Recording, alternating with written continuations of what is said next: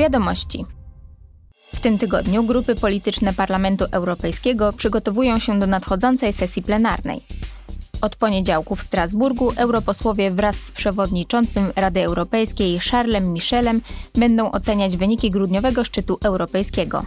Spotkają się także z premierem Belgii Aleksandrem De Croo, z którym będą debatować nad programem belgijskiej prezydencji w Radzie.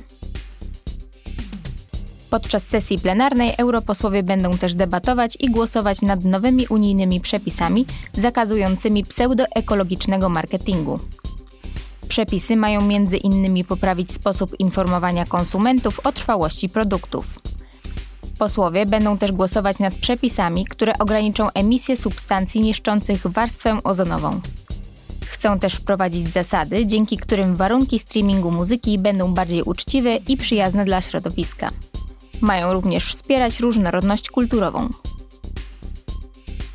Jutro europosłowie z Komisji Gospodarczej i Monetarnej spotkają się z wiceprzewodniczącym wykonawczym Komisji Europejskiej do spraw gospodarki służącej ludziom Waldisem Dombrovskisem oraz komisarzem do spraw gospodarki Paolem Gentilonim.